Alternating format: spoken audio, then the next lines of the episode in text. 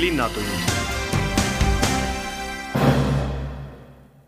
tere päevast, head kuulajad, on neljapäev, kahekümne teine märts algab Viljandi Linnatund, mikrofoni ees on Kaie Mölter. tänases saates tuleb juttu elulugude kirjutamisest, saja neljakümne aastasest Sakalast ja esimese kümnendi selja taha jätnud pärimusmuusika Aidast. kõigepealt aga mõned teated pühapäeval, kahekümne viiendal märtsil kell kuusteist annab Viljandis kontserdi Läti Muusikaakadeemia Big Band. kahekümne kolme liikmelise orkestri kunstiline juht on lõunanaabrite tippsaksofonist Davis Jurka. orkestri ees soleerivad Pete Madsen ja Derrick Fox Ameerika Ühendriikidest ja Läti saksofonimuusika elav legend Indrikis Veitners kontsert kannab pealkirja What a wonderful world. seda loomulikult Louis Armstrongi surematu teose auks, mis kõlab ka kontserdil Derrick Foxi esituses. kontserdi korraldavad Läti Muusikaakadeemia ja Tartu Ülikooli Viljandi Kultuuriakadeemia muusikaosakond seitsmeteistkümnendast kuni kahekümne neljanda aprillini toimub Viljandis taas minifestival Viljandi džässkaareke. viiel kontserdil esineb muusikuid seitsmest riigist ja kolmelt kontinendilt. eriilmelises programmis toimub tänukontsert Valter Ojakäärule ja Eva Villu Talsi perekontsert. põhjamaist meloodilist džässi segab Aafrika rütmidega Rootsi sekstett Corpo, vaatemänguline tuleb kvartett prepareeriva Prantsuse Kongo-Kanada trio Delbec kolm etteaste ja kirsiks tordil on Kristjan Randalu värske maailmanimedest koosnev ansambel. kõik kontserdid toimuvad pärimusmuusika Aidas ja sealt, sealselt kodulehelt folk.ee on lihtsam ka infot leida. tasub teada, et märtsis on hinnad soodsad, kõik piletid vaid viis eurot kuid Viljandis on tulemas ka üks tasuta kontsert lähiajal ja see on lausa suur vorm, nimelt tuleb ettekandele kolmapäeval, kahekümne kaheksandal märtsil kell kaheksateist Viljandi Pauluse kirikus suure nädala kontsert Gabriel Fauré Requiem ja Eesti autorite orelimuusika kontserdi esitavad Tartu Ülikooli Viljandi Kultuuriakadeemia segakoor, dirigent Pille Kährik ja solistid sopran Emily Ruus ning bariton Jüri Liiva, orelil Tuuliki Jürjo. ja nagu juba öeldud, see kontsert on tasuta ja Viljandi Pauluse kirikus kahekümne kaheksandal märtsil algusega kell kaheksateist. linnatund eile avati Viljandi muuseumi teise korruse näitusesaalis ajalehes Sakala saja neljakümne tegevusaasta täitumise puhul näitus Sakala sada nelikümmend sulest säutsuni. näituse avasõnad ütles muuseumi direktor Jaak Pihlak kuulame neid meiegi. läbi ajaloo on Viljandis ilmunud igasuguseid lehti, noh näiteks kohe vaatame Tee kommunismile, mis tegelikult on osa Sakalast. Sel pikal teel, mis Sakalal oli. aga neid oli teisigi lehti, küll oli siin Viljandi Postimeest ja Viljandi Uudised, Viljandi Teatajad ja kõike muud. aga püsima sellest on jäänud ikka Sakala ja ma julgen arvata, et vist äh, on ka maakonnalehtedest üks hinnatumaid, üks kõrgematasemelisi just äh, Sakala. ja no viljandlasena saan ma selle üle ainult rõõmu tunda. Äh, see näitus on tegelikult ju Sakala juhi ja tema kollektiivi idee, et seda teha. ma usun, et te saate siit päris hea pildi sellest, missugune see sada nelikümmend aastat siis Sakalat on olnud Sakala peatoimetaja Hans Väre rääkis näituse avamisel ka Sakala nimest. Sakala nimi pärineb muidugi muinasmaakonnalt ja Jakobson ise on selle valikut esimeses numbris lugejale selgitanud nii. meie uus ajaleht käib selle koha pealt Eesti rahva sekka, kes vanast Sakala nime kandis ja üks kõige kuulsam vana Eestimaadest oli. vanad sakalalased olivad oma vahvuse poolest kuulsad. Nende priiuse armastamine oli lõpmata ja nemad võistlesid selle priiuse eest viimase veretilgani. iga Eesti mees võib nende esivanemate peale uhke olla. kui meie nüüd oma uue ajalehele Sakala nime oleme andnud, siis oleme sellega teht-, tahtnud tunnistada, et ka kõik, et ka meie jäädavas kindluses valguse teed tahame kõndida ja viimase elupilguni ikka õiguse eest võidelda. see nimi ju paneb selle kohustuse meie peale. seda, kui hästi Jakobsonil ja tema järeltulijatel on õnnestunud seda eesmärki täita, ehk kajastub ka natukene selles, et äh, ma olen enamuse oma elust elanud Sakala tänaval. ja see oli üks kahest Viljandi maakonnast olnud Sakala tänavast. ma olen äh, käinud äh, Sakala malevas ja Sakala saeveskis Sakala keskuses ja Põhja-Sakala vallas ka. ja Sakala poes ka, mida enam ei ole, täpselt nii. ja äriregistris on kokku kuuskümmend kuus Sakala nimega kirjet. ma julgen öelda, et lõviosa nendest oleks äh, mingi teise nimega, kui ei oleks ajalehte Sakala. sest et ehkki see on äh, muinasmaakonna nimi, siis äh, no sorige oma mälusahtlid läbi, kui palju te teate Alendpoisi nimelisi organisatsioone või Vaigasid. Isegi Ugandit vaatasin äriregistrit järgi, on üksteist tükki. Ja Sakalat on kuuskümmend kuus. ja Sakala ajalugu on olnud väga äh, kirev, siin on olnud väga palju kukkumisi, on olnud uuesti tõusmisi ja on olnud minu meelest sellised neli täiesti erinevat äh, kõrgaega, mis ma ei tea, osad võisid ka kattuda, aga, aga vist suuresti eraldiseisvad. E-, esimene oli siis Jakobsoni aeg kui Sakal oli Eesti kõige loetum ajaleht ja kõige olulisem ajaleht, kõige mõjukam ajaleht. ja sel ajal oli tema majanduslik seis ei olnud küll kiita, seda te saate siit näituselt sealtpoolt hiljem teada. et kuidas äh, Jakobson lõpetas oma eluga Sakala, Sakala tõttu osaliselt võlgades. Teine kõrgaeg oli kindlasti kaheksakümnendatel. nüüd siis juba tuhande üheksasaja kaheksakümnendatel, kui Sakala Äh, tiraaž või ka dekommunismile tiraaž oli kolmekümne tuhande ringis. võrdluseks praegult on siis kaheksa tuhat. kolmas kõrgaeg, ma ei tea, kuidas oli Sakalal majanduslik seis äh, kaheksakümnendatel, aga kolmas kõrgaeg, majanduslik kõrgaeg minu meelest äh, tuli kahe tuhandendate lõpus kui Sakal oli korduvalt ka kirjastuste edetabelis teisel kohal. ja neljas kõrgaeg on minu meelest praegu sellepärast et mitte kunagi varem ei ole Sakalal olnud nii palju lugejaid. ainuüksi eelmisel nädalal oli meil internetis äh, kaheksakümmend seitse tuhat lugejat. see on tänu sellele, et me oleme üks osa Eesti meediakontsernist ja et me oleme internetis. ja me loodame, et, äh, et see tänane näitus annab ka siis ülevaate sellest äh, Sakala teest. ühe hea ajalehe tee ei saagi kunagi olla sirge ja ilma aukudeta seda, kui raske see on, äh, näitab kasvõi see, et, et äh, Karl Robert Jakobson sõna otseses mõttes andis oma elu töötades Eesti ja, ja Sakala nimel. Eesti Meedia maakonnalehtede vastutav väljaandja Margus Mets on ajalehega Sakala seotud juba tuhande üheksasaja üheksakümne neljandast aastast. tema peab Sakala tähtsust suuremaks kui üksnes maakonnaleht. Siin kõlas üks mõte, et, et Sakala võiks nagu välja minna siit nii nagu ta omal ajal äh, Jakobsoni ajal oli, siis ma ütlen seda, et tegelikult ta on olnud suurem kui Viljandimaa kõik need aastad. Äh, ühelt poolt ei ole ühtki teist äh, maakonnalehte, mida aastate jooksul oleks nii palju au hinnatud, kui see on Sakala lehtede liidu auhindadega. teiselt poolt, olles just selles kõik need aastad nii-öelda tagatoas, on Sakala jah tõsi, koos Pärnu Postimehega olnud just need meedialaborid, kus on katsetatud paljusid asju, mida alles hiljem on võtnud kasutusele teised lehed, kaasa arvatud ka Postimees. eriti oli see tegelikult veebi ajal. nii et eh, Sakala koos Pärnu Postimehega olid need lehed, kes elasid need sünnitusvalud eh, kõike läbi. Ja alles hiljem selgus, et eh, need asjad, mida me siin katsetasime, olid väga-väga elujõulised ma usun, et Sakal on väga pikalt elujõuline eh, veel. sest täna on tal tõesti nagu tugev partner Postimehe näol, eh, näol olemas ja see lugejaskond on enneolematult suur.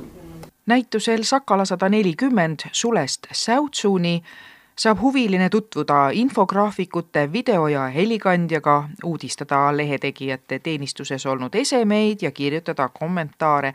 veel kuu aega tagasi Sakala peatoimetaja asetäitja Marko Suurmäe töövahendiks olnud arvutiga näitus Sakala sada nelikümmend sulest Säutsuni jääb muuseumi teise korruse saalis vaadata kahekümnenda maini.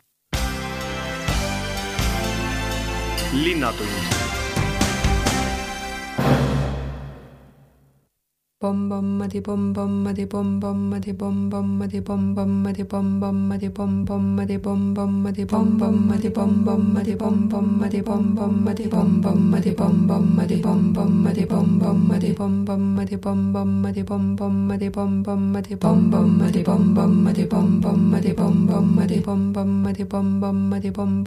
bom bommadi Sokrakkadi aga pennadi konopennadi priipommadi jäära ja jäära.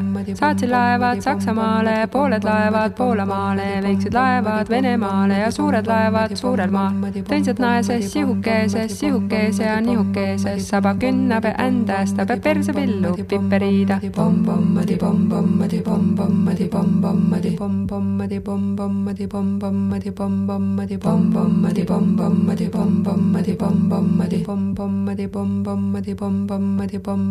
sookraakadi, aga pennadi, konopennadi, priipomm pommadi jäära ja jäära.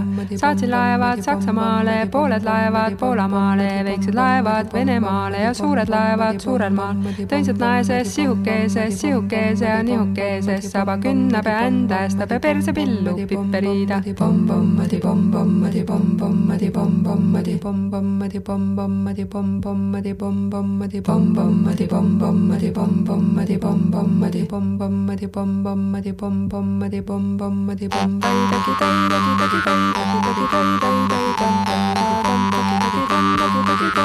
you.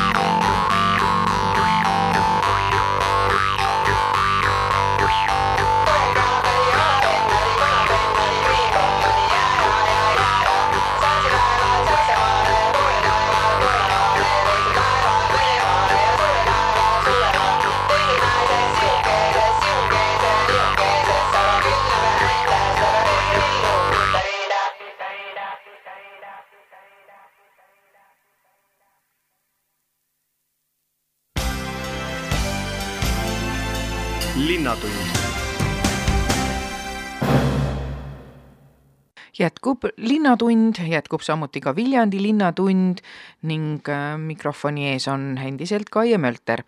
Viljandi Linnatunni saate teises pooles äh, teeme juttu Pärimusmuusika Keskusest ja elulugude kirjutamisest. keskmiselt käib igal aastal Eesti Pärimusmuusika Keskuse üritustel seitsekümmend viis tuhat inimest kümne aasta jooksul on seda seal korrald-, korraldatud umbes tuhat kakssada konverentsi, seminari, piduõhtut ja vastuvõttu, kus osalejaid on olnud ligikaudu sada kuuskümmend viis tuhat inimest. homme, reedel, peab Ait oma kümnendat sünnipäeva. keskuse juhi Tarmo Noormaaga ajas juttu Margus Haav. kõik need kümme aastat sa oled ju tegelikult selle majaga otseselt seotud olnud kogu aeg. ma mäletan, kui seda, seda projekti kirjutati, õigemini kui seda projekti ära saadeti seal, siis me töötasime, seda maja veel ei olnud valmis, siis me töötasime Kultuuriakadeemias ühes hästi väikses uberikus toas, umbes kuus ruutmeetrit oli seal. ja ma mäletan, kuidas see, see EAS-i projekt või, Euroopa Liidu projekt, mäletan, umbes oli, pakiti ilusti ära ja siis me tegime seal pilti ja tegime umbes šampuse lahti ja õnneks see leidis siis rahastust ja siis äh, ja mingi hetk hakati seda IT ehitama siis kaks tuhat seitse ja mäletan seda sissekolimist ja kõiki neid tööaastaid kuni siis tänaseni, kümme aastat.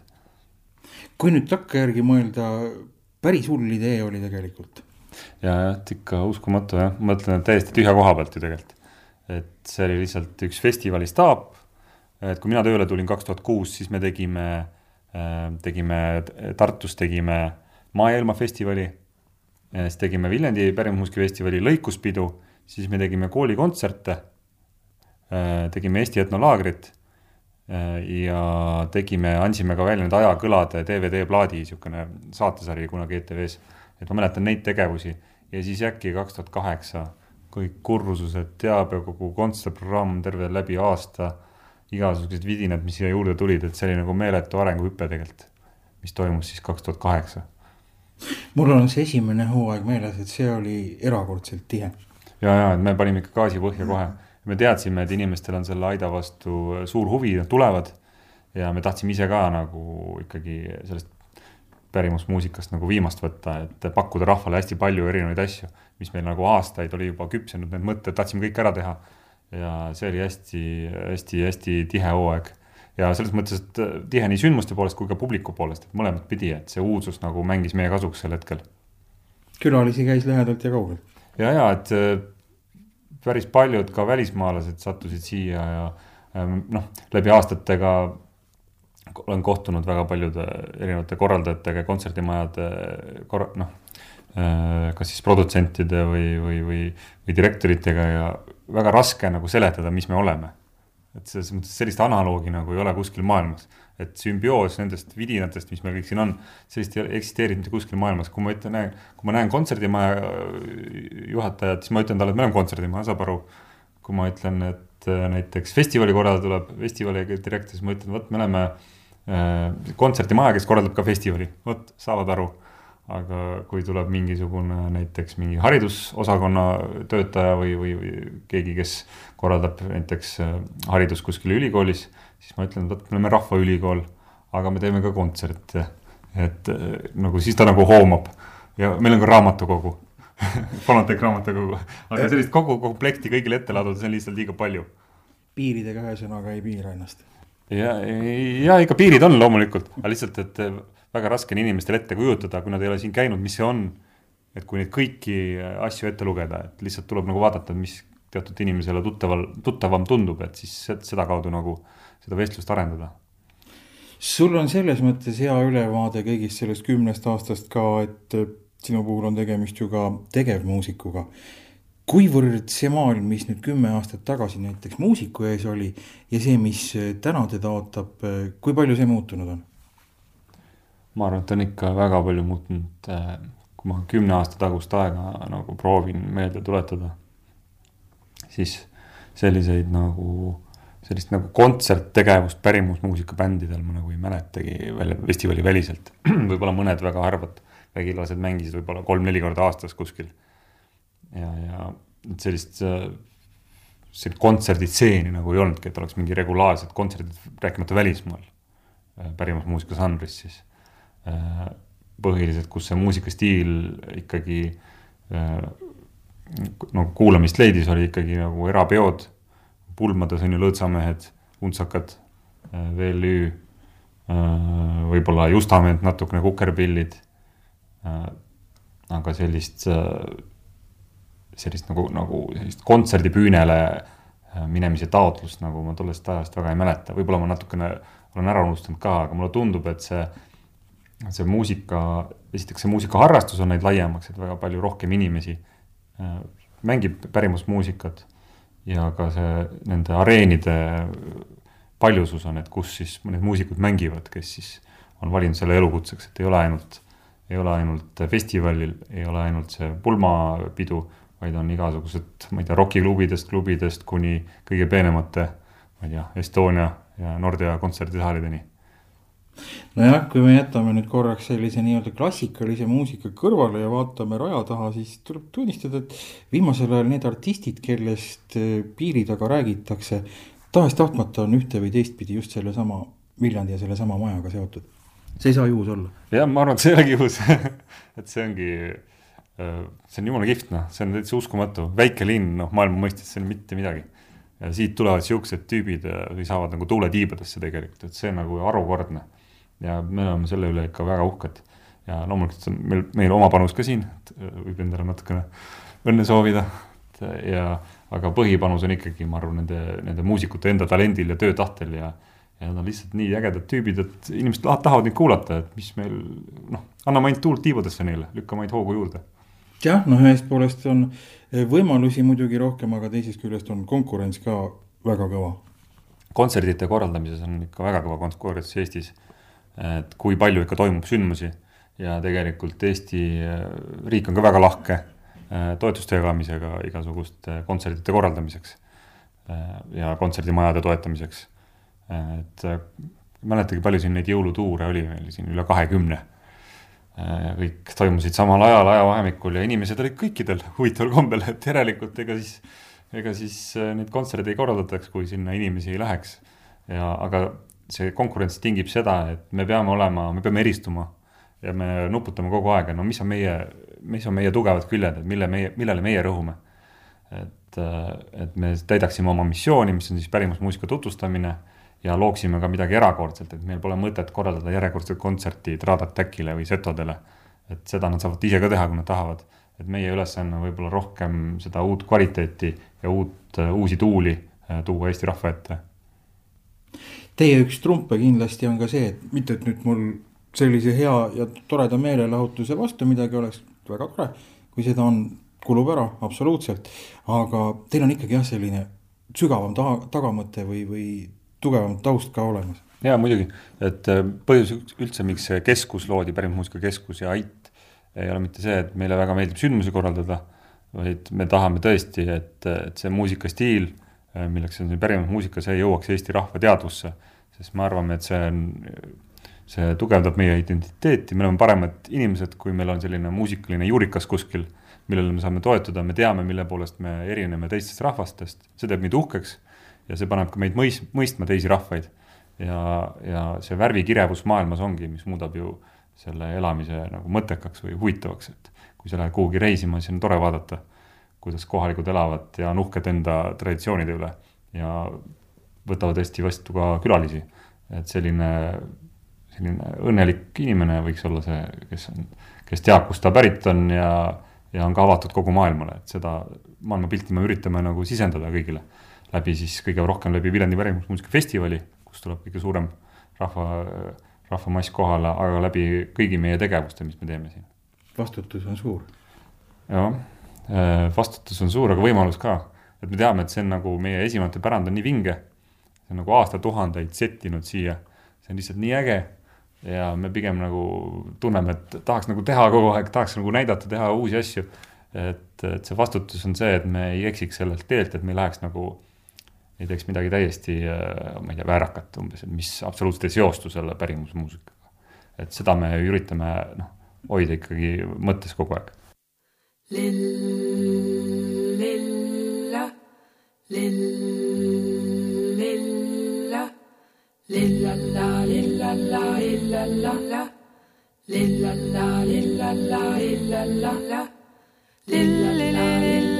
lippaväära, lippaväära, kõrgaväära, lillila, lillila, lilla, lilla, viitere mehed ütre ära, lilla, lilla, lilla, lillila, lillila,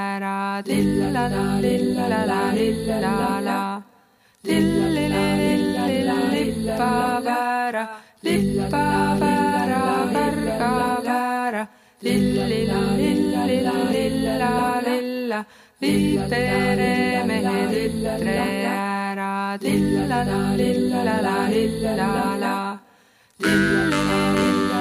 lippaväära, lippaväära,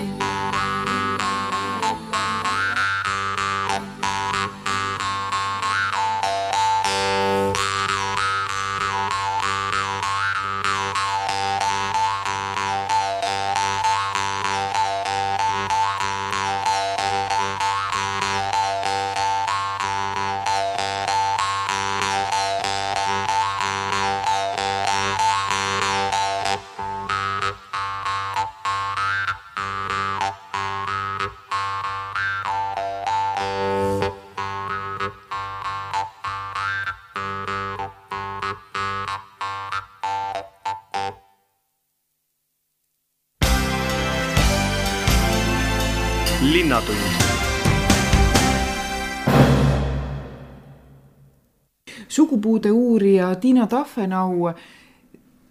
Teie juures käib koos elulugude kirjutamise grupp, et on olnud üleskutse panna kirja taaskord elulugusid.